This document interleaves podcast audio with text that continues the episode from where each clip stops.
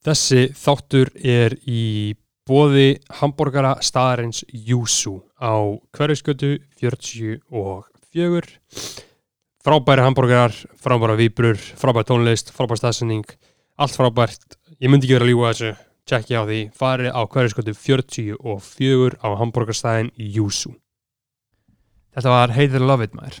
Game og 50 Cent. Uh, hið Það er svo gott lag maður, veistu hvað það er ekkit betra en að keira og hlusta á þetta lag Já, og hérna ég mitt fór í, tók mjög lélegt stúdíosession í gerð sko, ég er, ég er, Mm. ég er svona fyrkt að gera beat núna sjálfur. Já. í samkomum bannu. Hvernig gengur? bara ágætlega sko, en þú veist, ekkit eitthvað ekkit notæft, en þá ég hef alltaf verið að svona, Hef- tekið svona tímabila sem ég fyrkt að gera beat. En hefur, hefur þú co-producað eitthvað af eigin lögum eða? Nú nýlegt?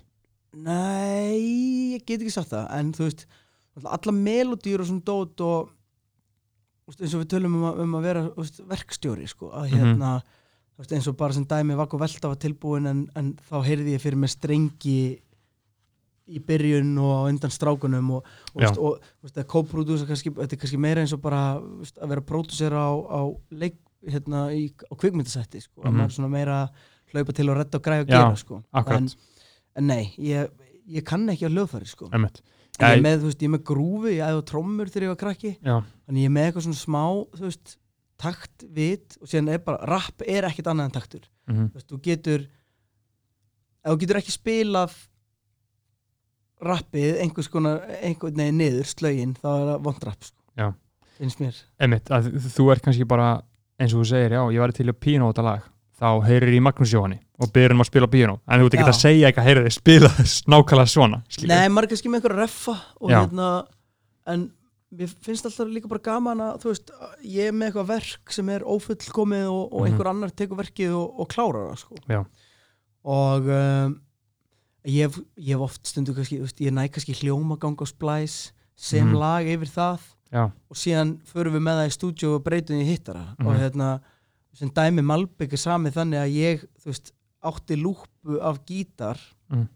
sem að ég fyrir síðan með til Þormáðar og hérna Þormáðs, Þormáðar, Þormáðar já og hérna og sem byggir hann núna sko, og lægi hljóma náttúrulega allt, allt öðruvísi en, bara hljóma grunnurinn í hljómagangurinn í grunninn er, er eitthvað sem ég samti yfir sko.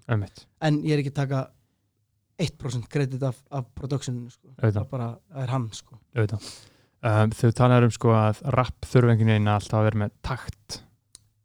Um, eða þú veist, að það er ekki gott rapp nema þessi takt nema þessi taktur Já, auðvitað er þetta að að brjóta þessa reglu sko, en, já, já, en hérna en þú getur vanalega spilað þú getur vanalega spilað á trommur Já. slögin, bara atkvæðin. Atkvæðin er náttúrulega ekkit annað en taktur sko. mhm Emmett, Emmett, auðvitað, er alltaf- flowið, en hvað, na, og þú getur spilað melodi, þú getur spilað á piano eitthvað, mhm, að hérna lælínuna líka, sko, þá er rappu þá er það stikkara meira, sko. Eins og þú getur tekið silfurskotta mhm, og spilað bara á piano og lína Bararararararara, mhm, darararararara. Þú veist, og þá ertu komið með eitthvað sem stikkar Já. líka ennþá meira, sko. Emmett en hvað er hann uh, hvernig þú talar á hann um uh, varst með playlista uh, fyrir bara gott rapp, fullkomar rapp Mhm. talar um Pusha T. Um, hvernig skilgrinir eru fullkomar rapp skilur hvað er það uh, bara frá öðrum og hjá sjálfur skilur, hver er svona þín skilgrinning á hvernig dæmir það? Úff, sko ég hlusta á það er svo rosalega mismunandi þú veist, stundum er ég í stuði fyrir eitthvað lyrikal æfintýri sem að tekur mig á einhverja staði, stundum er ég bara til í eitthvað sama orðið sjáta það aftur og aftur og aftur sko. Mhm. þetta er bara mér finnst alltaf lýsi þú veist, stundum ertu til í að horfa á einhverja Óskarsmyndir og Mhm. stundum viltu bara Fast and Furious 6 sko. Að hérna mér finnst rosalega astnalegt að fara eitthvað að skilgreina listform út frá því hversu gáfulega hluti þú ert að segja sko. mm -hmm. en hérna, auðvitað ef það helst í hendur þá er það frábært ef hún er að Já. gera poplag með, með döm bíti Mhm. sem að hittar á klubnum en þú ert samt líka að segja eitthvað þá auðvitað er það frábært en síðan er líka bara hægt að segja að þetta má aftur og aftur sko, og, og það virkar líka sko. Mhm. mér finnst bara mjög nöðsöld að, hérna, ég held að skipti bara engum máli Og, uh, ég held að sé ekki til neinn formúla af hinnu fullkomna rapplæði þó mm Mhm. ég sé með minn playlista sem að, sem að hittar mig harðar en eitthvað Mhm. annað sko.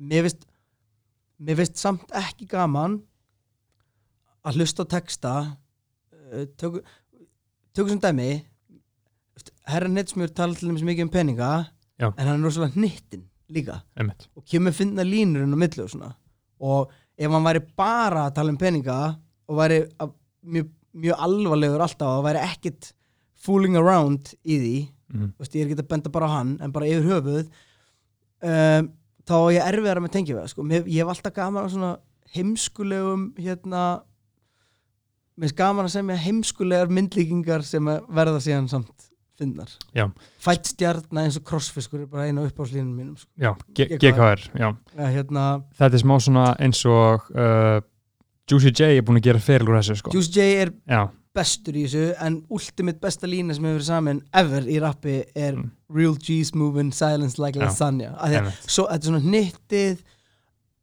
geðvett smart á Já. sama tíma og mér finnst oft gaman að leika mér með eitthvað svona eins og þú veist einmitt, bara uh, datt upp í hausin á mér í þetta má og segi þú veist ég er eins og plássi kólaportinu því ég er bás Já. sem er þú veist þetta meikar ekkert sens Mhm. og lest þetta á blaði mm en veist, það fyndið að segja þetta. Einmitt. Þann, þannig útskýrum maður spildi sko Real G's Moving Silence Like Lasagna. Þá er þetta Lil Wayne lína frá hvað, Six Foot, Seven Foot Mhm. læginu frá við Carter 4 frá 2001, 2011 uh, þá er hann að tala um Real G's Move in Silence Like Lasagna. Að það er G í lasagna en það er ekki búið fram. Já, að það er Silent G. Það er svo gæðið glýra Pælti hvað Hérna- þetta er mikið snillingur til að þetta er í skilur. þetta er, briljant sko Mhm. og hérna já, bara eitthvað svona önnur lína sem ég samt sem þetta er strax upp í hausin á mér sem er hérna uh, úr, ég er úrað ofan eins og Big Ben þú veist, þetta er bara, þetta er ógustlega döm en það er Já, úr, já, er klukka sé eitthvað svona, það. þú veist, bara eitthvað skilur Mhm. segja eitthvað sem að fær fólk til að segja já, haha, þú veist, minnst það alltaf Einmitt. Ég man, minnst það alltaf gaman sko það, það er skemmtilegt sko, ég man ennþá hvar ég var sko, þegar ég hlustaði á uh, GP plötuna og hann segir að flýgur eins og dúfa Benjamin. Já, geðvitt það er bara svona, svona referensar sem einhvern veginn hittar mann sem maður uh, hefur ekki hugsað um í nokkur ár skilur, og kemur einhvern veginn tilbaka sko. ég hef ekki hugsað um Benjamin Dúfu bara í 15 ár skilur, Nei, en samt vita allir hver Benjamin Dúfa er Já, skilur. nákvæmlega.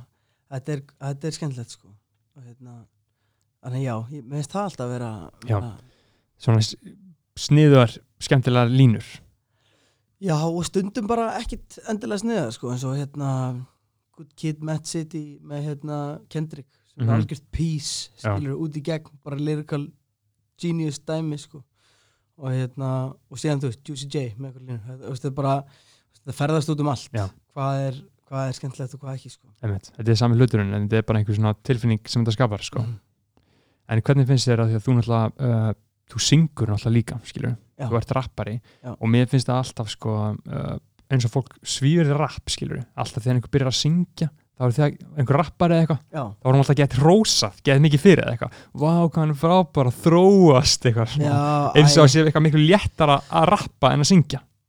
Ég held í hvert sinn sem við gefum út plötu þá fæ ég þetta komment sem er eitthvað svona þá, hann er að einmitt. Maður er bara, já, ok þú veist, bara megi leibula með þessu vilji sko, en Mhm. ég er búin að vera veist, gera melodíst dót síðan ég byrjaði að Já. gera eitthvað, sko, getur Já. farið alveg aftur í skábræður sko, bara til að finna finna einhverja pop pælinga líka Já. sko, að hérna mér, þú veist, þetta er bara bara góð tónlist er góð tónlist þú Já. veist, og hérna skiptir ekki máli hversu léleg gæðin eru eða, eða, eða þú bara virkar þetta mm. Líka gott dæmi sko, bara Blackbird já, heyrir bara í Paul McCartney tappa í skónum í gólfið sko, mm sem á að vera veist, á ekki að vera á ekki að vera, veist, það er ekki hinn fullkomna upptaka en það Einmitt. er beautiful sko. bara svona ófullkomið sko. og hérna og það er, og finnst svona Billie Eilish hérna, platan uh, hvað heitir hann?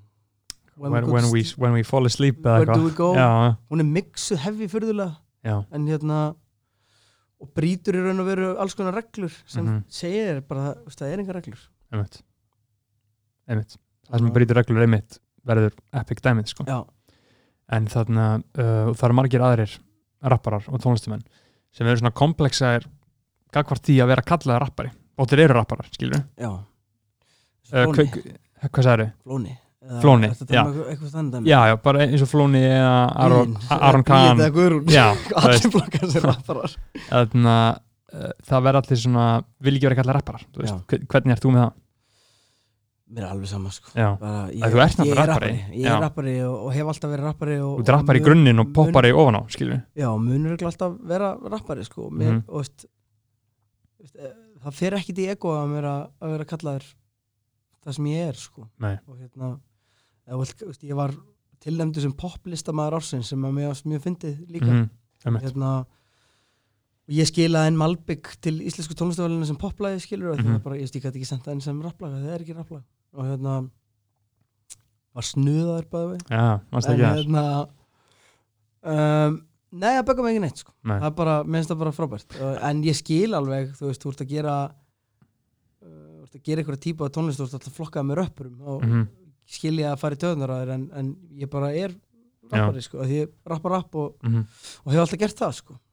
Fyrst er þarna uh, hvorki með náttúrulega meira til þín að syngja að rappa hvort, er auðveldra uh, Vá, erfið spurning um, Melodíur koma meira náttúrulega til mín í viðlög og svona dót og stundum er ég meira basli við að skrifa vers Já. heldur en léttar að finna húkin sko. en, en versi stundum, stundum, stundum er alveg aukt sko. Mhm. og hérna stundum er ég alveg stökk veist, eins og gott dæmi, Silviskott hafa búið að tilbúið í langan tíma sko. Mhm. hérna, og uh, Auðun Lúþursson prófa að gera húk og Aron Kahn gerir húk og veist með fyrir veiningu fyrir öllu því frábæra sem að Auðun er að gera þá var húkinans Arons betri sko. mm og hérna, er það, er svo útgáfa tilengstæður já, hann er til Já, hann Það er- sko. er geggjaður annar raunveruleiki sko. Og hérna já, þú veist það er kannski sko basli við að vera solo-artisti er að þú varst alltaf að semja miklu meira. Mm ég er svona öfund alltaf með þessu Ulf Ulf og þau eru alltaf bara að semja eitt vers. Já, já, meðan ég þarf alltaf að gera tvö, þrjú vers Mhm. skilur við að en uh, þetta, þú veist, ég veit ekki stundum sest ég niður og næja að semja eitthvað stundum kemur þetta bara til mín rétt að Mhm. hann fyrir að sofa þú veist, bestu lögin mín koma oftast bara til mín sko. Mhm. og hérna nýjasta dæmi Malbygg þá var ég bara búin að eiga smá rifildiðu kona og var eitthvað einmanna og, og hérna og var upp í sumabústa og, og ég- allir farin að sofa og ég settist fram og skrifaði textan sko, og hérna og hann bara svona vall upp á mér sko. Mm. þannig að það er rosalega mismunandi hvernig, hvernig það kikar inn hvernig þetta kikkar inn sko. en, en, en hvernig vinnur í tónlist, hvernig vinnur sem rappari mætir í stúdíu á 9-5 þú veist, ég er basic, sko, það sem ég er með í gangi er ég sýndi bara það sem ég er að sína honum er hérna notes í símanum sem heitir Mhm. bara raps. Já, Sem er bara, þú veist, bara bars sem að þetta dettur í hug. ég er bara endalust veist, bara endalust af Já. einhvers konar hugmyndum sem að koma til mín og ég er með voice memo líka. Og ég er kannski veist, uh, veist, eins og mikið af dóti á nýju plötunni kannski sa- samansafna línum sem er kannski á sex mánuðan tímabili er ég búin að skrifa einu og einu línu. Síðan þegar ég kom með ákveð mikið af svipum línum þá setjum ég saman í konsept en stundum sest ég niður og er bara herru, nú erum við bara að gera þetta lag og nú gerum við bara þetta. En hérna, verkferðlanir eru vanalega að, að bara samblanda því að ég er bara með stóran beatbanka heima og hérna sem ég renni oft í gegn, mér finnst mjög gaman oft að fara í möppurnar hjá artistum og fara aftur tíman skilur Mhm. eitthvað dót sem þeir halda sé uh, sé ekki neitt veist, já, Silfurskotta er rosalega gott dæmi um og mikið af dótt sem ég vinn með Red Lights er eitthvað svona demo sem þeir gerðu og eru kannski orðin bara fimm ára gömur já, já. og ég segi, herru, minnst þetta gegja erum við til að bringa þetta aftur og, og setja í nútímabúning þannig að þetta er bara, veist, það er ekki beint neitt, neitt svona neitt, neini verkferðlar þannig sé sko. en hérna, en ég er náttúrulega kannski meira, veist, ég vakna meira á mótnana og fyrr að svara e-mailum, plana gig fram í tíman og síðan þegar músíkin verður til þá er það annarkvort í sessjónum með Bjössa eða Þormó eða Redlights eða það er sjaldan sem ég er einn heima sem ég texta sko. Það er ekki alveg það er já, mér finnst það óþægilega sko. en finnur þú köllun, finnur þú svona stúdíu kláða skilur, að verður að komast já, mega, ég meina svo í gerkvöldi og þá fór ég að spila í gig í gær og hérna og þá fekk ég eitthvað svona, ég var ekki búin að spila náttúrulega í mánu út samkombannu Mhm. og þá fekk ég svona, fuck, já, ég var búin að gleyma ég er tónlistamæður Hva- hvað er það að spila? spilaði hérna á svona streymiskeiki og stef í Östubæ Já, já, og hérna og þá fekk ég alveg massíft svona, ég verði að fara í stúdíu, ég verði að koma einhver út. Mhm, og það var engin hugmynd, sko, það var ekkit eitthvað sem að ég fór bara að gera einhverja hljómaganga og raulaði eitthvað aðeins og síðan bara pakkaði saman og fór heim. Já. og síðan kannski í dag opnaði það projekt aftur eða bara gleymið það eilugu, sko. Mhm, og hérna þannig að þetta er rosalega það er bara rosalega mismunandi, sko. Hvernig, hvernig þetta gerist, sko. En ég er oft háður öðrum mhm. þegar ég er að semja. Hvernig er það? Og- Hvernig, er, er, er það Er það reyna að losna við það með því að læra að prodúsa það? ég er kannski að hluta til að geta þú veist allavega hendur hugmyndum almennilega sko, því ég get alveg, veist, ég get alveg spila hljómaganga og ég get alveg gert trámatakta og ég get alveg fundið einhver sömplu á netinu og, og, og, og, og gert eitthvað þannig. En hérna nei, sko, ég, ég er búin að það sem ég ætlaði að koma inn á hana þegar ég fór í grafíska hönnun Já, og fattaði að það er ekki fyrir mig. Ég Mhm. er ekki studio engineer, ég er ekki hljóðmaður. Ég er ekki hérna producer, ég er rappari sem að og, og, og kannski jafn vígur í því bara að vera performer sko. já, að hérna, það er alltaf verið kannski mín sterkasta hlið að vera bara skemmtikraftur Já. að hérna koma fram og ég er ótrúlega góð með krát fljótur að lesa krát og fljótur að fatta hvað fólk vill út úr sjóinu. Mhm, ég held að það sé kannski minn sterkast eiginleiki sko.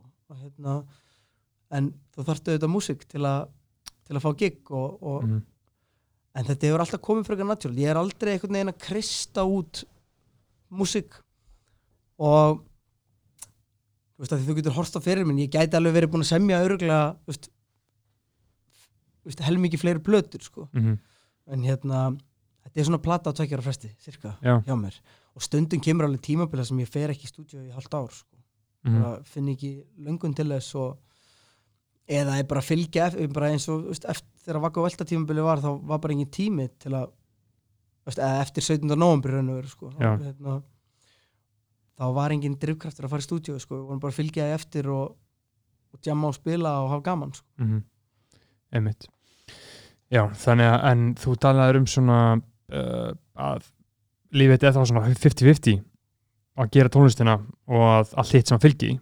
uh, hefur, aldrei, veist, hefur aldrei verið með umbósmann eða einhvern svona til þess að sjá um hennar business fyrir það Jó, ég hef verið með alveg nokkra umbásmenn sko. fyrst Ómar Ómar hana í 30C Einmitt. síðan hérna síðan var ég hjá Mid-Atlanti eða sko Máni Pétursson ég sem sagt, man eftir fyrsta mómentinu þar sem ég fekk almennilegan pening fyrir gig og það er alveg, þetta fyndið sá og, og sem förum við lengra inn í umbósmenn en ég var að spila á Akureyri ég var að spila með Erpi og nýbúin að gefa þetta elskum sem ellur ég var alltaf að fylgja raskati á Erpi mm. og hérna var alltaf að veist, bæði hann að nýta nýja feskagörinn og ég að nýta hann til að læra Já. bara á alls konar og Erpur hefur, hefur kent mér helling Mm.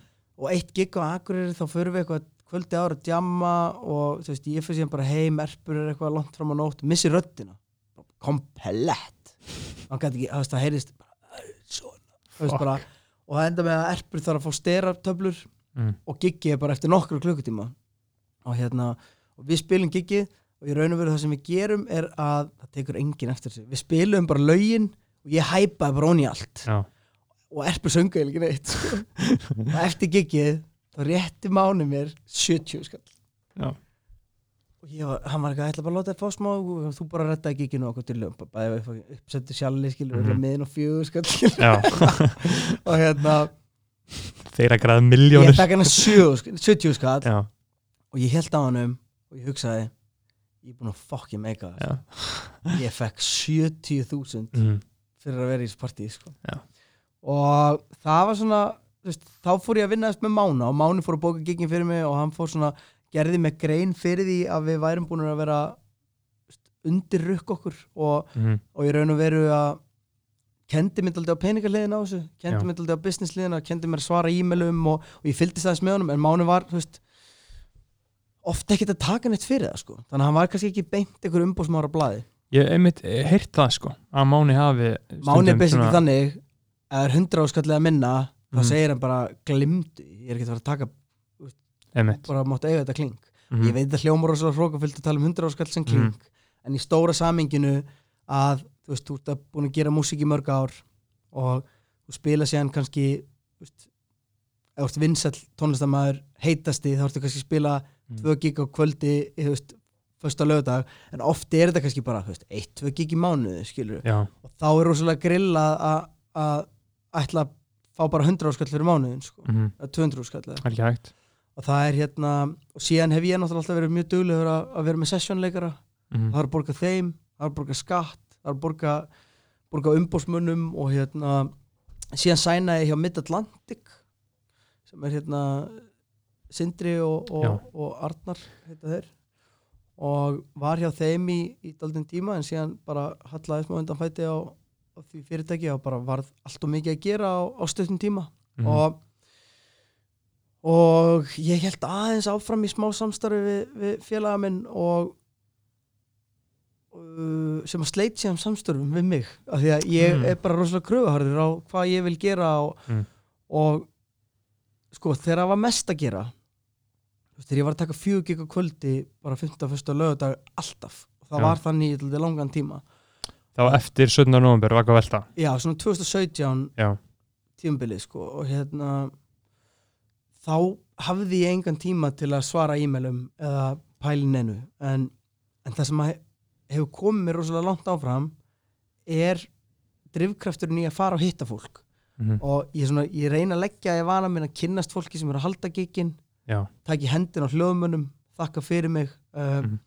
kynnast markastjórum fyrirtækja um, ekki rey, veist, ég, er ekki, ég reyna veist, ég reyna ekki alltaf að fá eins mikið pening og mögulegt er út úr öllum giggum frekar reyni ég að mynda einhvers konar já, já. tröst og samstarf skilur Mhm. og hérna og í dag er ég minn eigin umbúsmaður en með svo grilla að kalla hann aðstofamann en hann er, Mhm. hann er það, uh, Arna Björkmas sem er bara mín hæri hönd í eiginlega bara öll sem ég geri sko. Mhm. og, hérna, og hann hjálpa mér að skipulegja hluti, hjálpa mér að svara e-mailum sem að sem að ég á erfitt með að svara og, og hérna og er þetta aldrei í bókaldinu með mér en, en ég sé, þú veist, ég ég fronta mig sjálfur Mhm. alltaf, skilur Einmitt. þú ert að selja sjálfa þig sel sjálfur mig og hérna og eftir heikja ég held að sé holdt fyrir alla sem að eru að byrja taka sín fyrstu skref í bransanum Mm.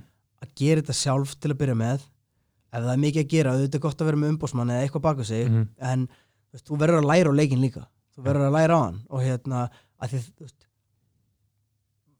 allt sem fer upp fer niður og þú veist, kannski trampolín fyrir neðan og bánsar aftur og aftur skilur en, en það koma kaplar þar sem að þú veist, þú getur alveg séð um þetta sjálfur og hérna, mér finnst líka bara fínt að hafa eitthvað fyrir stafni sko já, og betra að fá meiri penning mm. Já. allir þessi hlutir sko Mhm. þannig að nei, ég er ekki umbúsmann núna en, en ég er alls ekki að segja að til dæmis eins og Mid-Atlantic gerðu rosalega mikið fyrir mig Já. og hérna og kendu mér á alls konar hluti og, og kendu mér alls konar veist, hvernig ég get aukið mitt valjú sem tónlistamæður til þess að koma mér áfram sko. Þetta er ekki að því illa en veist, ef umbúsmaðurinn er basically bara að segja já við tölum Mhm. gera það bara sjálfur Já, já, ef hann bara svara e-mailum og gera ekkert meira sko. bara, ég ætla ekki að fara að nefna neina nöfn en ég veit alveg um, um artista sem eru með allt rík og e-mail sko. Mhm. sem, eru bara, Já, sem eru bara einhver, einhverjir aðrir í e-mailum Mhm. og, og því það, það er oft leið sko, það sem er gott að vera með umbúsmann er Mhm. auðvitað að taka ekki leiðilega skrefið mhm. þegar þú þarfst að fara í peningaumræður eða, eða það þarf að ítrekka að það sé vatn á sviðinu eða hangklæði eða eitthvað svona dót sem er Mhm. ég veit að hljómar er svo prímó donu dæmi en þetta er bara alveg svo fer og, heldur fund með einhverjum og býður honum upp á kaffi skilur, Mhm. þetta er bara ef ég er að rappa í klukkutíma þá þarf ég vatn þannig að já, allir gangur á því en eins og staðan er núna þá bara er ég minn eigin herra með, með, Mhm. með tröstu samstarfi við, við Arnar. Einmitt, einmitt. Að Þetta er, þetta er náttúrulega sko uh, er náttúrulega ég starfa náttúrulega sem umbúsmaður sko um, og geri það eins og þú sagðir, þetta er tilgangslöst ef ég væri bara að svara e-mailum, skilur Já. en þú veist, það er raunin að keira þetta áfram sko, af því að það er ekki allir tónlistamenn endilega með svona drifkrafti sem þú ert með, skilur það er nefnilega annað. Það, það, það er svolítið mikið sko að það, það, þá þarf ég að koma inn skilur það er ekki allir, og maður má ekki gleyma því alveg eins og einhver gaur hliðin á mér er meiri tónlistamæður og, og kann að Mhm. gítar og píano og getur sami sjálfur en hann hefur ekki opnað heimavangar sinni í tvö ár og hérna, kann ekki gera skattaskíslu sko. mm -hmm. og hérna þannig að við erum öll mismöndi sko. Sem eru auðvitað bara þurfa Mm umbósmenn og, og, og umbósmenn eru af henni góða ef að mér finnst allavega alltaf synd að sjá þú veist, þegar fólk er að taka kött af listamönnum en eigur ekki valjúið í er, hérna, ekki, er ekki að taka kötti og bæta, bæta það síðan upp sko? Nei, það verður að vera að vera gullrót fyrir listamann líka hverju, veist, og þá verður umbósmann líka svara fucking e-mailunum sko, hérna, það er náttúrulega í þessum bransa sko það er svo mikið uh, þetta er svo mikið svona trade secrets þetta er svona leyndamál, svona hvernig þetta virkar svo við getum talað um það við erum ekki að taka upp svona hvernig Ja, maður sækir 100%. gigginn skilur og þú veist þetta eru svona leyndamál sem maður náttúrulega vill ekki gefa upp maður vill ekki að aðri viti maður vil ekki að allir fara í sama pakka Já, sko. maður vill ekki að fólk hermi eftir að svona geri noti en sömu finnst mér samt líka því ég er ekki hérna uh, sko öfundsíki er eitthvað sem ég sem ég upplifi ekki endilega en oft hugsa ég, ah, ég vildi að ég hefði gert þetta. Þetta, Mhm. þetta var sniðut múf hjá þessum artista að gera þetta svona. Ein, eins, eins og hvað, hvað hefur þú séð þannig? Vá uh, það eiginlega kannski ekkit sem að kannski poppar upp í hausin á mér nákvæmlega á þessu- mómenti sko, en kannski lög eða konsept eða, Mhm. eða eitthvað sem að maður hugsa ah, já ok, þetta hefði verið þetta hefði verið geggjað, en mér finnst líka bara veist, gaman að miðla reynslu minni áfram að því að við erum öll veist, til þess að mér gangi vel mm þá þarf þínu bandi líka að ganga vel auðvitað af því að ef, að ef að þú ferð að undirbjóða öll gig Mhm. ef að þú ferð að selja klöptöp og 40 skall á Mhm. mennskólaböl aftur og aftur og þau eru bara bókaðir aftur og aftur þá hefur það skadaleg áhrif á senuna yfir höfuð sko. já, já, 100% og við verðum að vera með einhvers konar samstöð en við verðum líka samt að veist, við verðum líka að vera hóvær Mhm. og, hérna, og fatta að við erum ekki untouchable og að en við erum að lifa, lifa, lifa og hræra í þessu og fólk vill að við séum að lifa í þessu af því að ef við erum ekki að gera þetta þá gerum við ekki músík Mhm. þannig að já, þetta það er alls konar faktorar sem að Þetta er allt svona sem uh, spila saman. En ég, ég var allavega að upplifa það að sem dæmi þegar ég var ekkit rosa vinsæll og Úlfur Úlfur eru vinsæll mhm, vinsælir þú veist, þá gríp ég í baki að þeim og fæ að tag along. Já, og hérna síðan ger ég eitthvað dót og, og bringa einhvern artista kannski inn á track og tracki verður mjög vinsælt og er win-win situation fyrir báða en kannski er stökkballur fyrir næsta artista. Silfur Skotta, gott dæmi um það. Já, Aron var kannski, sko, þú veist, Aron var samt alveg komin með svona hann var að festa sig í sessi hjá, sko, ungu kynnslóðinni Hann var vinsæll og heitur en hann var ekki orðin household en ég, þú veist, á, á sama tíma er ég, þú veist, að taka þátt í Íslandsko talent. Mhm. hérna, var kynir þar og var kannski að ná inn á heimili sem að sem að Aron var ekki, en síðan líka annað síðan kannski tjekka fólk á silfurskottu Mhm. og fatta síðan að þau fíla bara Aron meira og fara og pæla eitthvað í, í músíkinu hans og þetta er bara, þú veist, mér finnst bara samstörf og svona dót vera algjört win fyrir alla og síðan er líka bara, þú veist ma maður er ekkert að leina því að hérna, að fá ungan ferskan artista sem er blowing up á track hjá mér eigur valjúi mitt líka sko Mhm. Og, hérna, og er oft stökkpallur fyrir mig þó svo að ég sé kannski búin að festa mig í sessi þá veistu, er ég ekkit untouchable það er Mhm. svo fucking langt í frá skilur, það, Mhm. það gæti verið búið á morgun maður veit það ekki, þannig að verðum maður bara að reyna þræfa á erfiðu markaði sko. En þú hefur alltaf samt náð svona bara inn á heimili Íslands bara stöð tvö heimili, skilur Mhm. bara FM 957 fræðin, skilur Já. sem að margir rapparar hafa ekki enn náð og, te og tekur náttúrulega bara ógeðslega langan tíma. Sko þú, þú, þarft að þú þarft að mynda tröst við aðdáðandur líka. Og Já. hérna og það er ekki nóg að ná inn einum hittara. Jújú, jú, það skila sig kannski í veski í, í hálft ár. Mm en þú ert að gefa fólki meira og þú ert að sína fólki og sért þess verðugur að, að mæta aftur og aftur -hmm. með nýtt og færst stefni og, og hérna og það er oft veist, og núna ég ætlum sjálfur að bóka fyrir veist, AK Extreme sem var því miður ekki núna út af samkombanni Já. og þú veist, bókin fyrir júlevenner og, og alls konar gig sem að ég hef verið með í gegnum tíðina og oft virðast sko ungir artistar sem kannski náinn einhverjum hittara halda að þeir geti hoppa strax í töluna sem, sem manneskjan sem er kannski búin að vera að gera þetta í Mhm. fimm ár, tíu ár að hérna, að þú getur strax farið á þann stall og rúlla bara á því Mhm. en veist, auðvitað ámar að verleggja sig og auðvitað ámar ekki að gera þetta frítt og, og, og sérstaklega að það er hiti í kringu þá áttu auðvitað bara að rukka sko. Mhm. en maður verður svona að byggja upp veist, hérna, þú getur ekki byggt höllin á sandi sko. og verður að, hérna, að vera með eitthvað, eitthvað svona fastan grunn á nú ferð ólinn en hérna, Einmitt. ég er ekki að segja og ég er eitthvað allir eigi að spila frítt og spila fyrir bjór það er tímabil í sögunni sem að, sem að minnst skammalegt sko Mhm. hvað, hvað veist, uh, eins og bara í svona kringum 2011 hvað við vorum oft bara að Svíurtir. rukka lítið Mhm. fyrir gig sem að kostaði kannski 300 skall inn á Hva- og mættu kannski 300 manns skilur en við vorum samt kannski að fá 80 skall Hver er- var að græða?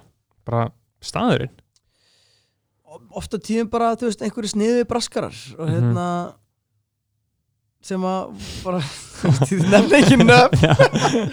Sem að bara, þú veist, nýttu sér kannski vannþekkingu artista í að í að halda gig og, og hérna, en síðan verður maður líka þú veist, stundum er bara ekki mikill penningur í bóði Mhm. og sem dæmi bara erfis myndi aldrei ganga upp ef allir var að fara að rukka 400 sko. Akkurat. Bara gengur ekki upp. AK Extreme þú veist, á hverju einasta ári ringi ég í fólk og bara herri, sorry hvað er að fara að bjóða þér lítinn pening Mhm. en við erum bara sjálfstætt batteri sem að virkar ekki og, veist, og, og þetta er basically bara veist, take it or leave it það væri gaman að fá þig en ég, Já, en ég skil þig rosalega vel ef þú ert ekki til að koma en, en við bara eigum ekki meira pening sko. Mhm. en mér finnst líka bara nöðsilegt fyrir tónleikahaldara að uh, að, að vera ekki að hvað maður að segja nýta sér vannþekkingu og, og veist, Mhm. halda ball veist, eða mæta þúsund manns á okkur ball þá átt að borga fólki líka vel sko, af því að drifkrafturinn fyrir fólk að koma á gig er artisti og, hérna, Alltaf og það er bara ástæðan fyrir að veist, DJ er í bænum fá fínum penning fyrir að taka kvöld sko. Einmitt Og þetta er náttúrulega skiptir rosalega miklu máli en það er náttúrulega alltaf sko á svona verðum Það er alltaf svona okkur kapp að það er svo margir listamenn, skilur Mhm. Rapparar, popparar, hvað sem er, skilur Já. Ef að þú myndir allt í henni verðleggja þig alltaf hátt þá var þetta bara, heyrðum, ok Við skulum ekki fá gautur núna að fá frekar tvo aðra í staðan fyrir hann, skilur síðan snýst þetta líka bara um að hérna, að móta sig eins og ég segi, ef, þú ert með hittar í gangi þá Mhm. kemst upp með eitthvað meira. Ef þú færð tíu e-mail nei í röð þá ertu kannski að fara að endskoða þetta er bara upp og niður eins og með allt sko, bara er, eftir, er eftirspurn. Já, þá getur þú farið í, eitthvað dæmi. En það er bara, það er bara miklu fleiri artistar í bóði núna fyrir uh, svona litlar aðstæður. Og ég segi litlar aðstæður og við talum bara eins og einhver bar í Keflavík eða, eða þú veist, gigg á príkinu eða, eða, eða eitthvað dæmi, þá er ekki að tala um að veist, fylla háskóla bíó mhm, og hérna, við vorum bara þrýr á, á tímabili var þetta bara ég Erpur, uh, Gísli Úlfur Úlfur og síðan var okkur bara rótrað og síðan voru veist, einhverja hljómsveitir og, og hérna, frikki auðvitað líka já. þessu. En hann var samt í annari senu sko. mhm. Annar hann legin, var sko. kannski ekki alveg í aðar Nei, hann vildi aldrei byrja að reykja sko. og, fór, fór, fór aldrei í leiði Nei, aldrei í leiði sko. þannig að það er allt svona uh, er einhver sérstakar svona eins og að þú talar um á svona erp. Herra er líka með góða sögu af uh, tók ákvörðum þegar ég sá hvað erpur tók fyrir sjó skilur, en svo erpur sé svona mikill áhrifavaldur hjá þér og uh, herra. Já, og að, þér, og að þið eru samt mjög svona sambærleir og þannig að þú hafi verið mjög mikill áhrifavaldur hjá herra af því að þú svona levelaðir upp og bjóst í business og fórst að gera peningin og síðan kannski árið setna að gera herra það skilur, held en kannski, já. er erpur sorsið það, hvað hva, hva, hva Mm, hefur ég erpur segi- kennt þér? Veist, ætla hann hafi ekki bara kent manni að að þetta sé hægt Mm -hmm. og hérna að það sé hægt að lifa sem tónlistamæður og það sé hægt að spila fullt af böllum og það sé hægt að gera hittara og, og einhvern veginn veist, að þetta er svo fjarlægur draumur þe- þegar ég var að segja við krakkana í skólanum skilur þegar ég var í seljaskóla að ég ætlaði bara að vera rappar það var leiði að mér sko. Já, bara ekki sjens það var bara, bara þú veist veist, þú getur alveg gert þetta áfram sem hobby en þér alveg vinnu og eitthvað svona mm -hmm. en síðan er þetta líka, þú veist, Ísland er lítill markaður Mhm. og ef ég væri ekki að gera þess að auka hluti sem að, þú veist, hvort sem að sé að taka þátt í sjómarpi eða, eða búa til gig eða, eða hérna veist, þó að kannski veitingastæðurinn sé ekki partur af tónlistaferlinum, þá er það samt ja. maður er búin að byggja upp einhverju ímynd og notar Mhm. það síðan til að selja vöru sko. að hérna þá myndi þetta ekki virka sko. Þannig að maður verður að vera sniðu líka maður þarf að hugsa þetta er þetta er bara skák þú ætla að hugsa fjóra leiki fram í tíman Mhm. annars er þetta bara mátaður sko. Spila leikin eins og skvass eða tapls eða skaldið og hérna ég tek ekki sko ég tek ekkit kredit neitt fyrir fyrirlin hans átna herra Netsmjör en, en hann hefur kannski hann hefur kannski hort uh, í verkefnin sem ég hef gert og það hefur Mm. mm. inspærað hann í að að gera aðra hluti og hérna Alveg potið sko ég fekk ekki nægsamning ég bara fór sóttan skilur Mhm. ég bara ég hugsaði bara, herri, ég er búin að eyða hérna hundra ásköllum í ykkur skó mm.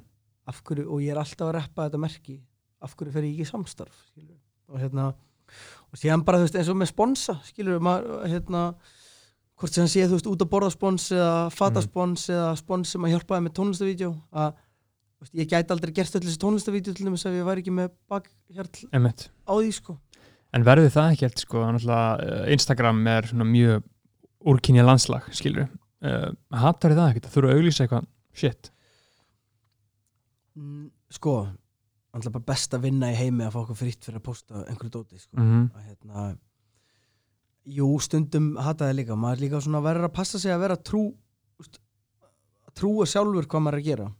Eins og ég hérna ég byrjaði á einhverjum orkudrykkjaspons einhvern tímann. Mm. en fljótlega tilkynnti þeim bara að, að þetta væri ekki ég. -hmm. og hérna, þetta væri ekki þetta væri ekki eitthvað sem ég væri til í að setja inn á mína miðla vikulega af því að ég bara trú ekki á það og hérna, en eitur, auglýsa eitur. Já, en svona dót eins og þú veist bara Nike 66, það fer ekki milli mála að það hafi verið svona mínu stærstu sponsor og hekla með Já, bíl. með áti þetta er allt svona, já, já svo sádíl, þetta er bara mér hefur alltaf langað í áti Aha. skilur við, bara síðan ég byrjaði Mhm. að keira, það hefur mér langað í í þú veist eitt af þessum þremur hérna eðalmerkjum af bílum skilur, þannig að Mhm. það kemur rosalega naturalt fyrir mig að henda inn postum átíbílum minna því ég er stoltur á hann og, og Nike er eitthvað er merki sem er bara búið að fylgja mér rosalega lengi og, Mhm. hérna, og 66 líka sko. og það er líka svona dæmi um spons sem að ég var að reppa eitthvað merki og sí- síðan einn daginn fórum við í samstarf Já, já, þannig að mér finnst, nöð, ég get ekki farið að ganga með einhverju monster derhúi mm veist, bara til að fá pening. Einmitt. það verður að vera eitthvað bakvað, það. Verður að vera einhvers konar alvöru ást á dótinu. Ég þarf að trúa því sem ég er að gera til þess að ég geti selt þér hugmyndinu um að þetta sé sniðugt. Einmitt. En þarna hefur eins og talar um á hann, þáttu alveg upp svona á sós- sósíalista heimili um, hefur peningur, þú veist, þú byrjar að græða pening. Hefur það Mhm. eitthvað svona breytt lífsviðhóruðinu eða skoð, pólitískum skoðunum eða eitthvað svoleiðis eða? ég er ekki ég, að, ég aðhyllist ekki kommunista pælingum sem að voru kannski ríkjandi á mínu heimili. Um, ég tel mig samt vera vinstir sinnaðan mm með einhvers konar með einhvers konar glugga yfir í hægri business hérna pælingar sko. Bara miðjan, er það ekki bara svona besta sko. Ég, veist, maður, maður, maður, veist, ég og, og talandi um peninga ég, er stór miskilningur ef að, ef að fólk heldur að, að ég sé peningamæður sko Mhm. og hérna allavega er ekki orðin það ríkur að, að ég fara að kjósa sjálfstæðarsflokkin sko for, for my own benefits sko og hérna en það ríkir uh, það ríkir í mér bara þessar þessa grunnpælingar Mhm. sósialisma sem er bara veist, allir eiga að fá heimili heilbriðstjónustu og mentun -hmm.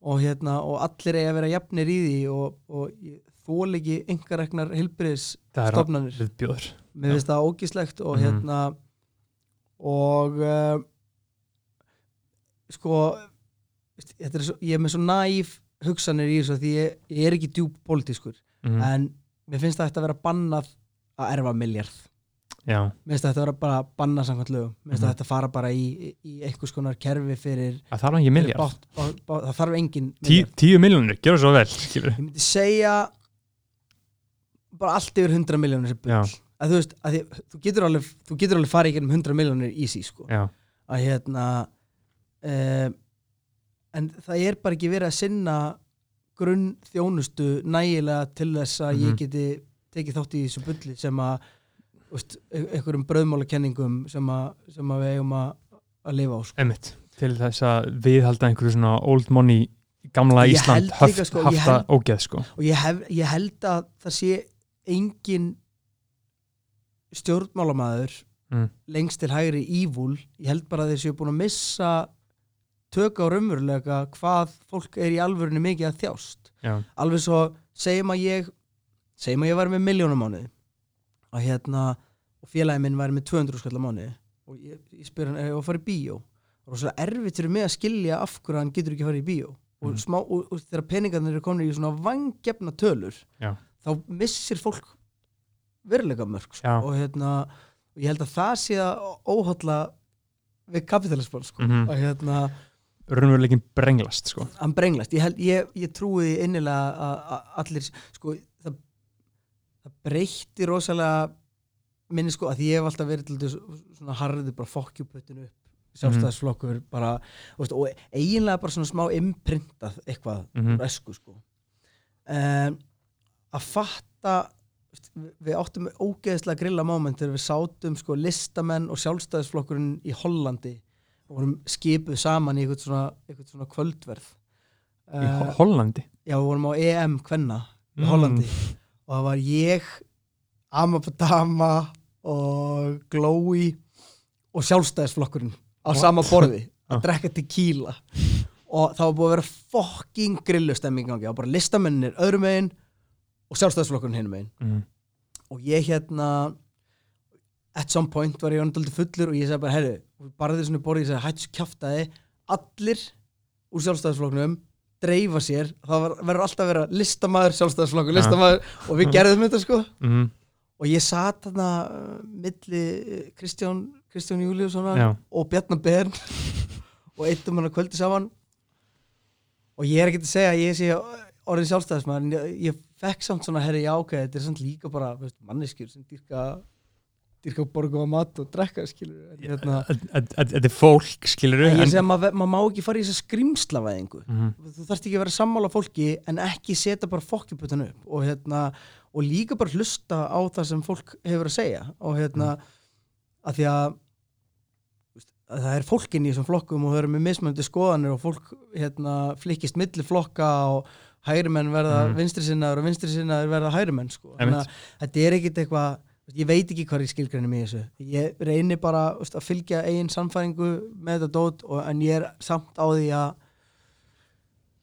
engavæðing hérna á grunnþörfum mannkins séu brenglaður að, hérna, að, að ég geti kift mig fram fyrir í röð á meðan einhver er að þjást að því að ná ekki peninga finnst mér alltaf að vera stygt pæling sko. einmitt eins og þess að tala um sko að þetta er fólk skilur en síðan er þetta líka bara Kristján Júliusson og Bjarni Ben bara spiltir sendimenn auðvaldsins skilur þannig en maður verður samt einhvern veginn að vita þessu manneskjur en þeir eru þarna út af einhverjum rosalegum aðstæðum í sínu lífi skilur Mm. svo Bjarni Ben bara fæðist inn í þetta skilur segja bara, heyri Bjarni, þú fyrir á þing, skilur þú rettar þessu fyrir okkur kallið minn, skilur þetta er svona annir, þannig að maður þarf einhvern veginn að vita að þetta séu manneskjur og ekki svífur þá, skilur ekki Ég- segja bara eitthvað fuck you, skilur ég held en, að vald mm, spilli öllum. Já, ég, ég, og það skiptir engu máli mm.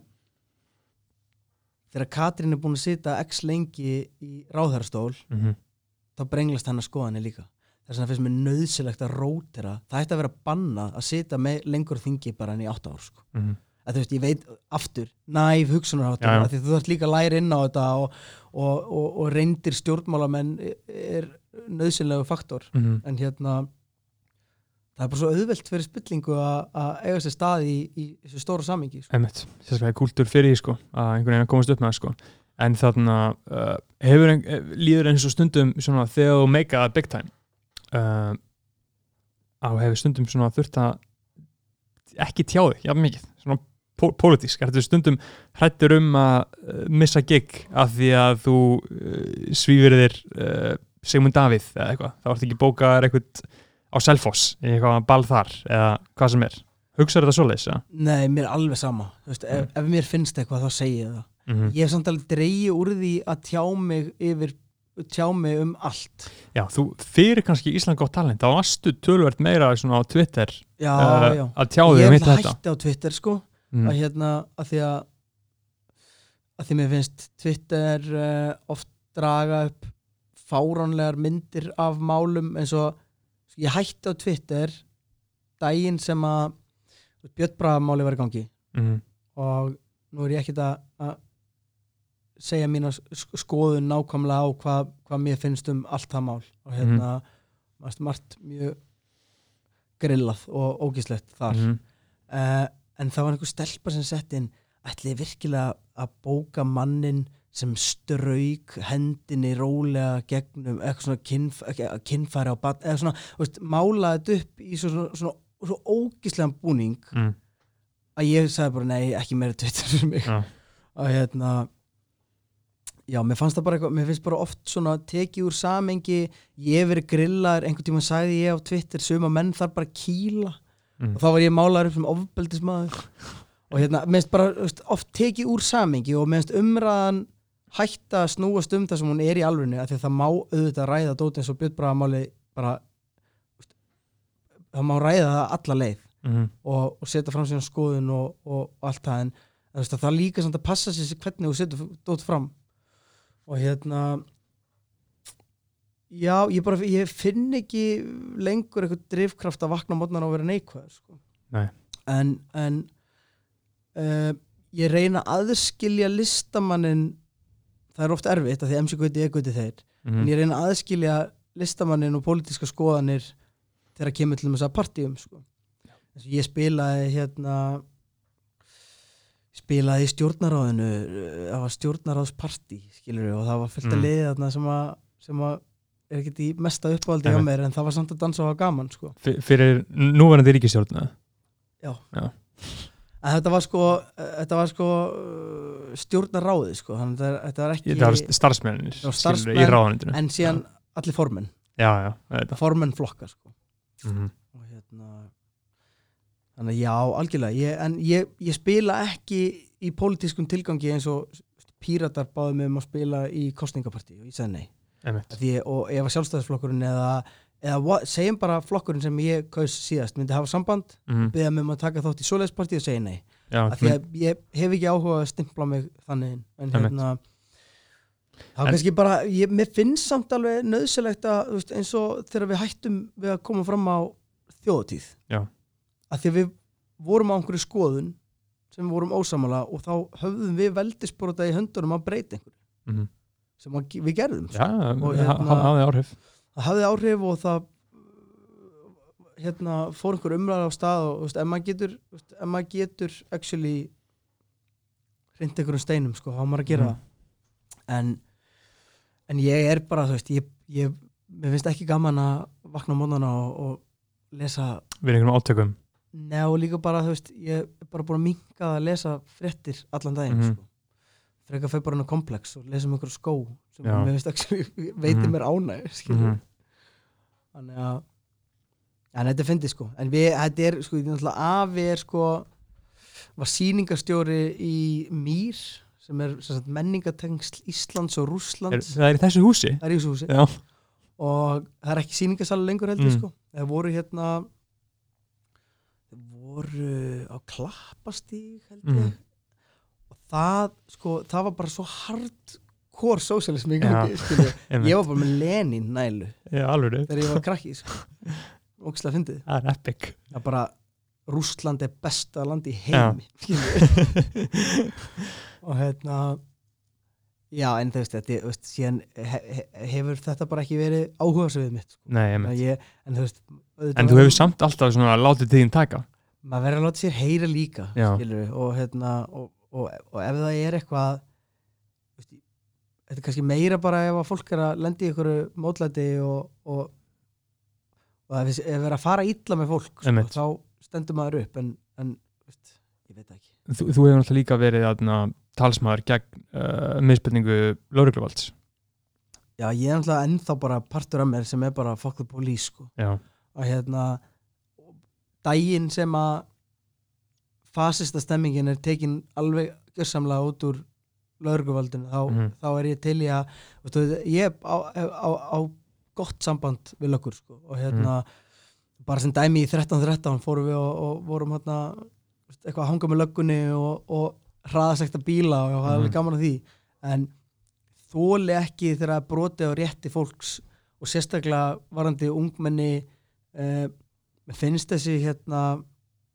þessi pæling að taka fólk með neyslu skamta Mhm. og að þefa upp neyslu skamta og að handtaka fólk og gefa því sektir fyrir að vera veikt finnst mér vera mjög rámt já, finnst mjög grillað að veist, ég, veist, ég var tekin fyrir og kannski sé fréttina sem kom þarna örglu 2016-17 eða eitthvað þegar ég var inn á B5 og bara tekin Já. til hliðar og hérna undercover löggum bara kem ég, ég og Keli og freskustrákunni stöndum í hóp og það kemur undercover lögga og segir herru, hvað aðeins með mér hérna. Nei takk, eitthvað, ég er að drekka bjór. Hvað með mér, ég er hver ertu? Skilur, hún síndi mig skjöldin og ég sagði nei takk, ég er ætla bara að fá að vera hérna, hvað drekka bjór. Mhm. og þá kemur með mér, annars verður handtekinn. Ég eitthvað, lappa með henni bakvið. Og hún, og þá eru fimm löggur þar í búningum sko. og þau segja, tæmdu vasana. Og ég sagði, nei, þú verður að tæma vasana. Og þá var ég nýbúin að lesa stjórnarskrána Mhm. og hendi bara í hérna já, reyndar sko samkvæmt 71. grein þá hérna hendi, hendi bara í fakt Einmitt.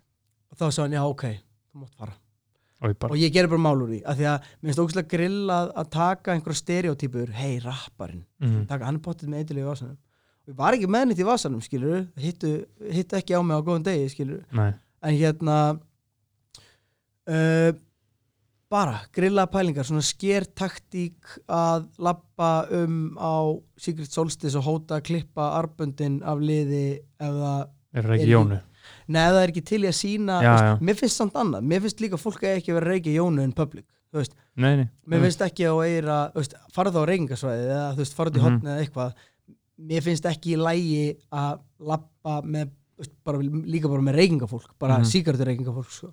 að ég vil ekki að barni mitt sé að lendi í óbennum reykingum ég vil ekki að barni mitt fá jónusmók í andliti skilur Mhm. eða, og fólk sem kýsir ekki að vera í eitthulega stemmingu skilur, ég Mhm. vil, það má alveg afmarka þetta. En hérna ég held að gera engum gott að fara að þefa upp eitthvað 0,5 kókaðina gras í vasanum hjá okkurum og, og, og handjátnaðan og sektan. Nei, og þú sér bara hvað er að gerast núna. Núna er þú veist, núna er skortur á fíknefnum og, og það er bara allt í volli skilur Mhm. það, ge- það er, fíknin fer ekki þó takir, takir fíknefni þá drekkur bara fólk meira og nota bara meira spýtt og finnur eitthvað annað sko finnur það eitthvað annað og hérna, fyrst og fremst þurfum við bara að byggja betra kerfi fyrir fíkla bara Mhm. svo, svona eins og hérna, eins og frú Ragnæður er að gera með að keira sprautubílum bæinn og gefa, gefa, veist, gefa ráðgjöf og hjálpa fólki og koma heim til fólks og, og veita aðstóð og, Mhm. Og hlýju af því það er veist, skrefið átt af því að eigða fíknefna vanda er Mm. ekki að skamma neitt Nei. það er bara, það er fucking ridiculous pæling Mhm. þannig að já, nei nei, ég hef ekkert á móti lauruglunni fyrir utan að ég held að séu uh, oft á tíðum misfits í samfélaginu sem sækja í valdastöðuna að fara í laurugluna þegar þeir sko lenda í aðstæðum sem að eru eiga að vera teklaða með ró þá æsast þeir Mhm. upp og, og, og það verður eitthvað mál úr því sem að ætti ekki að vera annars. Einmitt, einmitt.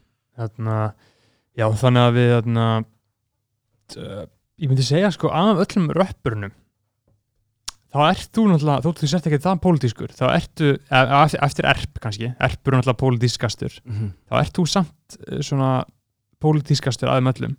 En veist, hva, hvað finnst þér um þá sem að tjá sig ekki um neitt, skilur sem hann bara hugsa ekki um neitt nema sjálfan sig og sín eigin peninga og sín eigin frægð og það fyrir náttúrulega bara eftir hvað fólk vil gera sko, en, Mhm. en mér finnst að vera samfélagsleg ábyrð að ef þú ert komið með rödd sem að nær til mm. menna að þú látir gott að þið leiða líka Já. að hérna að þú sért ekki bara alltaf inn í skilinni að vernda eigin velferð og, uh, og peninga eða whatever sko ég er Já. ekki að benda neitt bara, þú veist, ég getum talað um útvarsmenn eða poppara eða rappara eða whatever sko hérna, veist, ef þú getur actually hjálpað til og, og breytt einhverju og hérna og ég veit ekki hvað þetta vera nákvæmlega núna en, en, Mhm. en uh, þá bara á að láta sér heyra sko. og, hérna, og sérstaklega ósammála einhverju og, og, og finnst vera, að sé vera að brjóta fólki eins og bara þetta laurugludæmi sem að ég uppliði mm. Hafði öruglega þau áhrif að það hefur verið tekinn fundur nýra lögstuð sko. Og hérna og, og þetta rætt mm allavega í einhverju mynd allavega lauruglunar sem að mér, mér finnst svo fucking grillað að vera með undercover löggur í miðbæri Reykjavík af hverju ertu ekki bara með lauruglu þjóna sem að á klukkutíma fresti lappar eitt lauruglu þjóna eða tveir inn á skemmtstæði eitthvað? Hérna? Og, og finnst líka bara ef einhver er að drekka eða nota kókain eða reykja gras eða eitthvað og hann er ekki til vandraða mm. að, ert að sportna við vandamáli sem er ekki til skilur, ert að hérna það er alveg nóga shiti og ógiði sem er í gangi sem að lauruglan veit af út um allt en það er verið að sapna saman einhvern sektum til að ná inn peningi ríkiskassan sko. já, og hérna mér finnst það, mér finnst svo grillað að leita upp í vandræði, mér finnst mm. Lauruglan að í vandræði vera eins og gaur sem að lappar hann skemmtist á og rekur axlunar utan í fólk til að lendi slag. Þú veist, að reyna að búa eitthvað til sem er ekki og reyna að bjarga einhverjum sem gaur að taka kókain á klostir, reyna að bjarga honum frá því að taka kókain, er það ekki svona það sem þau halda þessu að gera, skilur? Jú, en síðan, þú veist, síðan eh, ef við tökum þetta í s- stærra samengi, skilur, ég er, ekkit, ég er ekki hlindur því að það sé flutt inn kíló og kóki Nei, í, tollinum, skilur. nei, nei, En mér finnst, þetta er bara þessi neysluskantar sem að ég, Mhm. að því að þetta er eigin, veist, annarkort er það jamtengt og veist, er, þetta er bara neyslutengt og þetta er, Mhm. þú veist, fólki líður rosalega illa, þú veist, fólki sem að veist, og auðvitað skapar þetta oft vandræði en þú veist, ef, ef þú ætlar að fara að taka efni af fólki að því það getur farið til vandra bannið að það áfengi bara núna skilur. Mhm.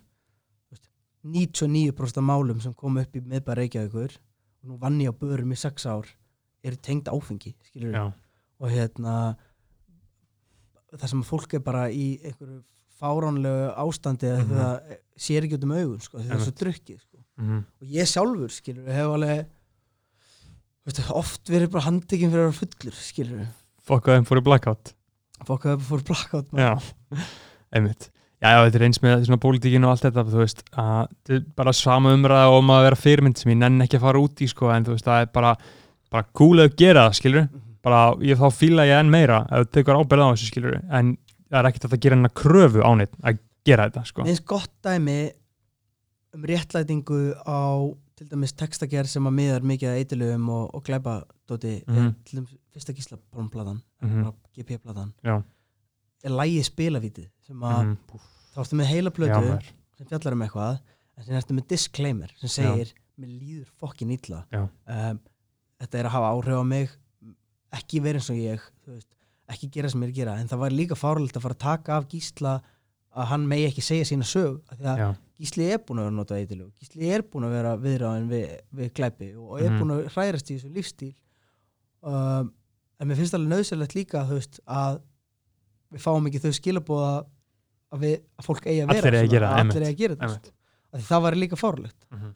það er ekkit það er neysla er ekki glæsileg í neittni mynd Mhm. það er ástæðan fyrir að að, popparar overdósa og, og hérna og semja síðan plötur um það þegar þeir fara í rehab hvað þeim leið Mhm. fokkin illa skilur Mhm. það er bara helst ekki í hendur við veljiðan Nei, það er bara beislaði búkan brá já, ég held að það sé bara já, veistlan sko mm. en já, þannig að uh, förum aðeins yfir í svona almennt rapp hérna í lokin þú veist, hvað hvaða gísildiskar eða þú veist, hvaða rapptónlist var það sem greip þig fyrst? Bara, þú veist, eitthvað 90s þegar þú varst lítill. Jurassic 5, mm -hmm. Concrete hérna, Concrete Jungle. Hétum það, fyrsta platan sem var með svona galla efni framan á. Já, og hérna hún Faculty sem var tekin upp í stúdíunum pappa og Mhm. Slim Shady LP bara, Já. Slim Shady LP bara breytti mínu viðhorfi á músík bara Mhm. til eiliðar sko. Þannig að, og veistu, að því maður var búin að vera að pæla eitthvað smá í rappi en ég var svona svo ungur skilur, var 10, 11, mm 10, 11, 12 og þetta voru allt þú veist svarti gaurur og gettóinu skilur Já, að rappa. Og hérna og ekki það að ég tengi eitthvað að eskuna hans M&M en þannig tengdur allt í hennu við eitthvað white boy að rappa. Einmitt, einhvern eins og þú já, og hérna og það er líka bara ástæðan fyrir að hann var svona humongous skilur. það var bara vöndun á markaði fyrir út af görur sem þú einhverjum- tengdi við hann Já. já, bara slim white boy sem Mhm. að var að rífa heavy mikið fucking kjáft sko. og það er svona plötuna og síðan þú veist í svona aðeins þetta er 99 skilur Mhm. 99 2000 sem að 99 kemur Slim City LP út Þú veist, og síðan er þetta atmosfér dótið sem að svona mó- mótaði mig aðeins meira og Já. hérna en já, þetta, þetta ég man þetta er fyrstu rapplötuna sem að sem að ég eignaðist sko, Pa- pabbi hérna pabbi gaf mér hérna gaf mér Jurassic 5 og ég man ekki hver gaf mér Slim City LP mm, bara gæsildiskur eða ekki? Jú, bara einmitt, þú veit það, ég var einmitt að tala við þarna tala við Jóa P. hérna uh, síðast. Mhm. og að því hann er fættur 2000 skilur hann er bara það ungur sko. Hann geisildiskar voru, hafa aldrei verið til fyrir honum skilur já, mynd af mér og Jói P það sem Jói P nær mér er bara nafla. Það er ógæðislega fyndið. Hva, í, í, hva, við hvaða tilefni?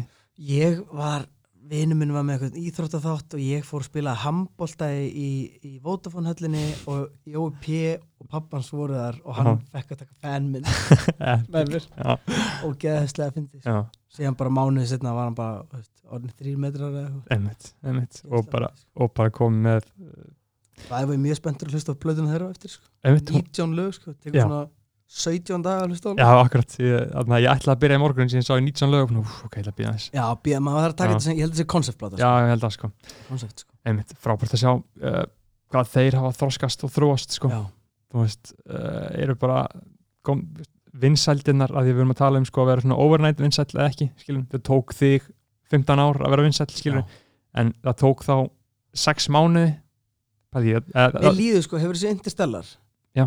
þegar þeir fara á plánutuna og Mhm. koma aftur tilbaka og þá voru liðin bara 20 ára eða eitthvað þeirra Mhm. ferill er bara búin að gerast svo, sko, eins og á þessari plánutu bara Já. ógeðslega hratt og mikið efni á ógeðslega stöttum tíma Já. skilur og þegar þeir gáfu út B.O.B.A. mm þá fekk það 44.000 spilanir á Spotify á einu degi. Það, er, það er klikkun sko. það er, það, er- það, ég, ég get ekki að það er hugsa um það kemur út bara á Ísland top 50 þetta var þegar Spotify var ekki svona það mikið nota þetta var ég er fyrir bara þreymur árum. hrættur fyrir egoið mitt að sjá tölurnar sem þeir fá núna á þessi nýju Já. sko. það er svakalett, hvert sem þeir gefa út mm það er bara ég held að ég hef náð mest 40.000 spilunum á einum degi á gisladisk ég held Mhm. að þeir hafi farið einu svona í 350.000 Já. spilunir það er rosalega hvað svona sko. dót getur verið vinsælt sko. en þannig að já, þú varst bara uh, atmosfér og eitthvað og síðan fórst í Lil Wayne en, uh, og hefur alltaf verið svona mikill rap nördi þú veist, fórstu tilbaka og kynnti þér alltaf söguna og ég get ekki sagt það sko ég veit örgulega minna um rap en margir sko mm, og hérna og hef einhvern veginn þú veist, minnst alveg gaman að horfa á þessu gamlu heimildamindir um gamla tíma og geggja Mhm. þettinir á Netflix hérna, Já, Evolution, Revolution já. og, og þú veist, hérna, NWA myndin og ég var Mhm. með þess að byrja að horfa á einhverja LA myndi gær já, þannig að Mr. Cartoon já, já, epic maður geðveik mynd sko. og minnst alveg gaman að, að gluggi í þetta sko, en ég, ég er rosalega slæmur með til dæmis já, uppáhalds geisladiska en ég get ekki nefnt þetta tvö lög á honum sko. mm, þú veist, að ég hef ekkert verið að spá í þessu þannig Nei. og hérna og nei, en já, mína uppáhalds ekki enn tíðina skilur, en, Mhm. en, en og maður veit söguna svona, þú veist Já. í gegnum það sem maður hefur lært í þessum heimildamöndum sko. bara svona en ég er engin, engin rap-nörd sko. nei, ekki þannig en samt alveg svona me meir en meðal maðurinn já, skilur já, örgulega en það, ég, ég hlust örgulega ég hlusta miklu minna á músík heldur en meðal maðurinn sko. ég, Ok. hérna, ég til dæmis aldrei með músík heima. Aldrei, aldrei músík heima. Bara, þetta er veist, bara í þögn. Kveiki á rúf já, eða hérna, podcasti eða eitthvað Mhm. svona, finnst það þægilegt? Hlusta á músík í bílnum, alltaf. Tek Mhm. alla, alla hérna, en síðan er ég bara búin að keira svo lítið sko. En hérna en síðan, þú veist, síðan það kemur út Kanye plata, skilur, Já, já. teki hann út í gegn það kemur út Drake plata, þá teki hann út í gegn. Svona- og þú hefur, þú hefur alltaf verið mikil því að hann kom út eða? já, bara síðan að mixtapeið kom út hérna Fa fattar það strax eða? svo var gone á undan því já, ekki hérna varstu í, varstu í hérna, Room for Improvement eða hérna, eh, comeback season Nei, hvað er hérna, nei, ekki þar hérna, við erum að tala um Marvin's Room hérna, sko Drake gefur út uh, bara alvöru hlunga Drake-nördarnir, þeir þekkja sko comeback season og Room for Improvement sem er 2006 og 2008 já, það, er, það er mixtapeið sem við gerum fræjan Já. sem að ég tjekka á sko. það er So Far Gone já, sem kemur út ok, uh, er sem kemur síðan 2009. aftur út núna ykkur Já, á Spotify. já. Já. það er platan sem ég tók eftir og Já. hérna Marvin's Room er bara svona lag sem að Já. það er ekkit eh, eh, topp tíu lög sem hafa haft áhrif á mig sko. Já. Ég bara, það- að það- það- er náttúrulega- time var ég bara Já. í einhverju ástasorg mm, og drekk allir mikið, vann á einhverjum börum og eitthvað og þetta lag skreiðin í hérta Já, sko. já. og hérna er geggja lag sko. mhm. hérna, hann er dreik já, miklu uppáldi, ég er svona leif honum að fara í töðunar á mig líka samt, sko. Hvað finnst, hvað finnst þér um svona, því þú ert náttúrulega uh, tónlistamæður og markasmæður hvað finnst þér um þetta nýja lag mér finnst það svo lúðalegt Mér finnst þetta fucking lame sko mér finnst það svo lúðalegt að hérna, mér finnst svo lúðalegt að þetta, þetta er obviously bara gert fyrir TikTok til Já. þess að fá meiri plays en ma- ef þú spyrir markarsmannin þá er þetta Já, já. fucking brilliant move, Aha. sko. en maður á bara svona stundum erf auðvitað Drake er amazing hann er frábær, artisti rappari, og gera bara endalust og góðu dóti en Mhm. maður ástundum maður ástundum erfitt með ákvarðanir sem hann Já, tekur já. varandi hluti Mhm. og, hérna, en þú veist þá bara skipa ég bara því lagi og tjekka einhverju öðru sko. Gaman að sjá höllina samt sko. já, mér finnst það gaman sko. Mannsjón sko. já. en þarna áttu þér, þú veist, getur þú nefnt bara eitthvað svona top 5 uppáhaldsrapparinn eina já. Hvað er að fara í? Lil Wayne, alveg Mhm. definitely á top 5 listanum. Hérna, kann, nei, kann ég bara þú veist, mm. ultimate gaurinn sko. Um, Vá, þetta er, þetta er ógislega erfið spurning sem að maður þyrfti, ég þyrfti að fá bara playlistana mína og Já, fara í gegn til þess að hérna, til þess að bara einhvern veginn setja þetta niður, það er svo mörg nöfn sem að Mhm. poppa upp strax sko. Og hérna En- mikið búin að hlusta Pussy 10 undarfærið mm. ég er að taka núna svona Game og 50 Cent nice tímabil já, ég uppgötaði Tupac fyrir stuttu sko. ég aldrei meikað hann aldrei þetta var yngri sko. og hérna búin að vera að hans á honum. Mm. og já, þú veist, þetta, þú veist, þetta er svo mikið ógrinni af endar Young Thug er á svona top 5 lista, Já. definitely. En- þó hann sé, þú veist, nýra á nálinni þannig sé, þá er hann bara hann er með stíl Legend. sem að breyta öllu öllu dótinu. Umturðinu allir sko. Hérna, en þarna uh, Young Thug Kanye hérna hvað sagði ég mér Lil Wayne. Lil Wayne, tvö viðbútt setja slögg í já, atmosfæra ekki. Og hérna þá eigum við eitt slott eftir fyrir eitthvað, eitthvað legend sko. Eminem ég, hann er alltaf hann er búin að, spila svo illa af sér já, sko hann, hann, hann, sko, þetta að vera bitur út í nýju senuna dæmi Mhm. er svo glata dót sko. og hérna uh, eins og ég segi í ég ég held þessu uppafslægi á nýju plötunum minni sko, segi þú veist, þetta er ekki allt minn þetta er ekki allt minn bolli en ég fatta dæmið. Já, sem er bara, auðvitað fíla ég ekkert allt nýtt Nei, sem nei. er að koma út en ég ætla ekki að fara að setja eitthvað disrespect á það. Veist, ég get ekki, alveg svo fólk sem að vera drullegur þegar ég var að nota autotune á bara ég. Mhm, Þú veist, ég skil alveg að þau skilja það ekki og ég Já. skil ekki allt. Nei, nei, hérna, Lil Jari skil, ég skil hann ekki mhm, en ég respekt hann samt fyrir það sem hann er að gera. Skemmtilegu gaur. Og hérna mér finnst alltaf, alltaf mjög glata að fara eitthvað að drulli við nýju kynnslóðina eitthvað svona gamla hiphopið var miklu betra. Gamla hiphop var ekki betra, það varst bara ungur það varst að hlusta og tengir af eitthvað nostalgíu tilfinningar. Akkurat. Og þú veist, ef þú hatar nýtt rap, ekki hlusta á það. Bara hlusta bara á gamla rappið, það er enginn að banna þeirra. Einmitt. En þú hlustar mjög mikið svona meiri hluti á rap. Ég fæði ekki frá þér út að hlusta mikið á eitthvað svona öðruvísi tónlist. Nei, ég hlusta mest, rap og R&B mest á rap og R&B sko. Ég fíla það Frank Ocean er á Já. listaði mig líka sko. Já, já, yfir, yfir, þó hann sé ekki kannski rappari hann er samt, er samt rappari sko hann, fucking- hann er með bars sko hann er hérna alveg veist, það er engin artisti sem ég spila jafn mikið og Frank Ocean Mhm. nýjasti gaurinn sem ég er að tjekka á er svona St. John er svona, Já, með með Ro Roses lagi hann já nema ekki það lag. Já, já, ég ekki bara neitt nefnir það plötunar sko eru geggjar sko. Já, ok og hérna Roses remixi er svona veist, það er smá svona Inga Bauer remixið á þeirri, plötu sko. Emmitt En þarna, uh, en íslenskt hvernig það eru bestu upplifur þú sjálfa þessam einn af bestu íslensku rappurum allir tíma Nei, ég er ekki sko. að, veist, ég er definitely veist, þú segir sjálf frá í topp 5 áhrifamestu rapparar Já, já, Að þú veist- 100% en, en tæknilega séð nei, myndi ég Mhm. ekki segja það sko. mér finnst Byrnir vera eiginlega besti rapparinn sem er ever, núna.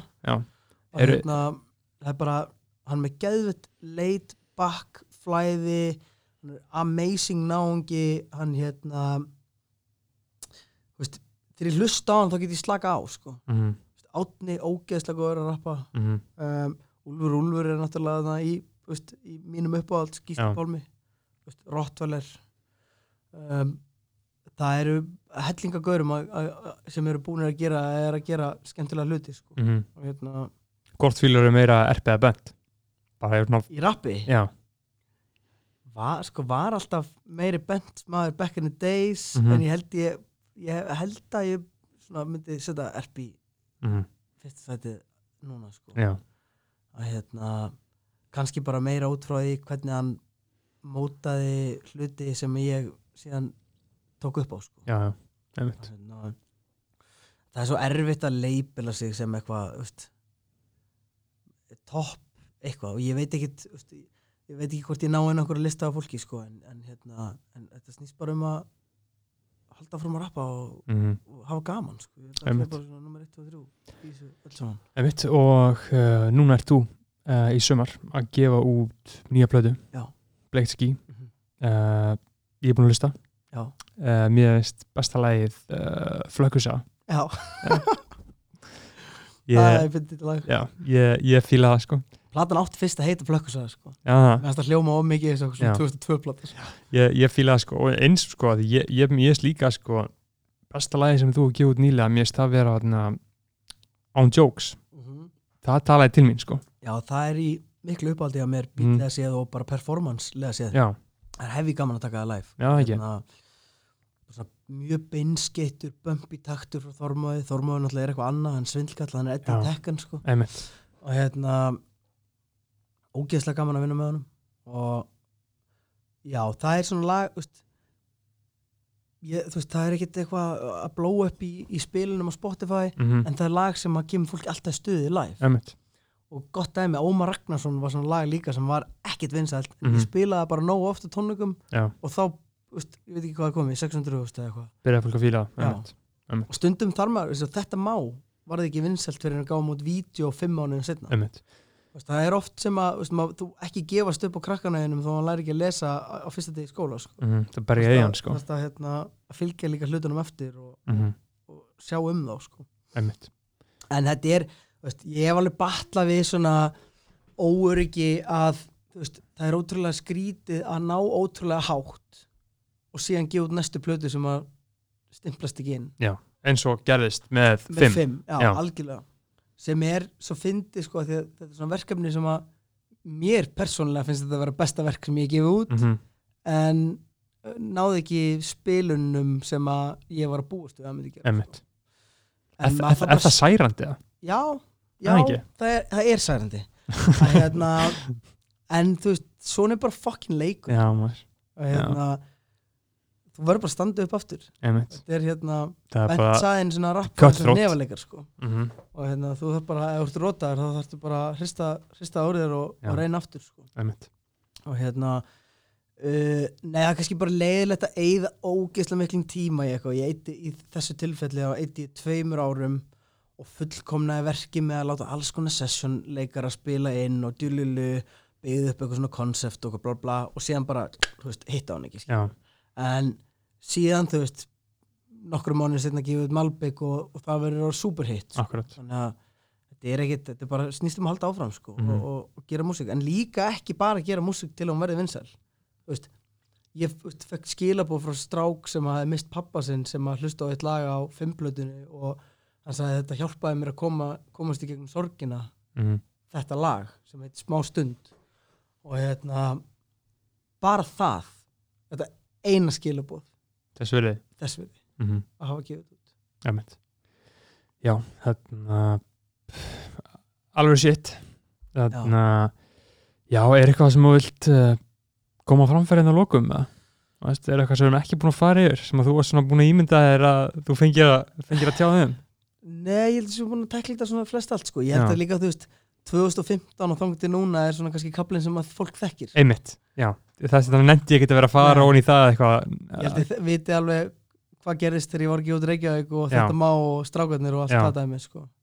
og hérna, það er aldrei mikið bara það er bara á vísi.is og search time sko. akkurat, akkurat en þetta er bara, þú veist, ég veit það ekki ég... stefnan var aldrei að verða að vinna sem tónlistamæður það gerðist bara saman, þú veist, það kom bara einn daginn. Einn daginn var bara það mikið að gera í giggum að ég hætti á dolly sko. já, það bara að kika inn. Og, hérna, og ég held að það sé veist, eina sem að finnst vera aðmarkarum í dag hvað allt gerist Já. og ég veit ekki hvort það sé ég að vera oldfart að hugsa svona en mér finnst fólk ofta ekki gefa sér tíma í að móta sig og skapa og leifa dóti að lifa og síðan er fyndið, sko, oft verður dót um, eins og nú er tíu, næstu í tíu ár síðan ég gátt bara ég mm. en núna er okkar leið með mér og Frikadór að klifra upp Spotify lista minn bara classic lag já, veist, þá, og hérna veist, einungis tíminn mun segja þér hvað verður classic og hvað ekki Já. sko. sko ég sé held að ef einhver rappari á fá ráð sem að er eitthvað nýbyrður að rappa eitthvað bara ekki gefa út. Býttu í að rappa í 2-3 ár skilur Byrnir, gott að mig Byrnir bara beið. Og gefðu síðan út þegar þú bara ert algjörlega viss um þú sért orðin og góður. Já. Já, já og nei að, þú veist, síðan getur þú tekið minn feril sem dæmi sem byrjar bara, þú veist, í engu og byggist upp í genn um, en hins vegar, þú veist, það hefði alveg verið átján ár það hefði verið alveg kannski meira að koma inn bara með einhverja neglu skilur já. allt í hennu Já. og hérna en finnst þetta bara fyrst og fremst bara, þú veist, látið líða vel og hérna gera það sem finnst gaman að gera mm. ekki spá of mikið í hvað markaðurinn er að gera og þú veist ekki of hugsa allt Já, þá, veist, um leið og þetta verður leiðilegt hættu þá að gera það, farðu þá bara að vinna einhvers staðar. Mhm. já, þetta er bara góð uh, loka orð bara takk fyrir góðan, gaman að fá þig. Takk fyrir mig. Gott spjall. Um, bara takk fyrir að hlusta. Hafa það gott, Guð bless ykkur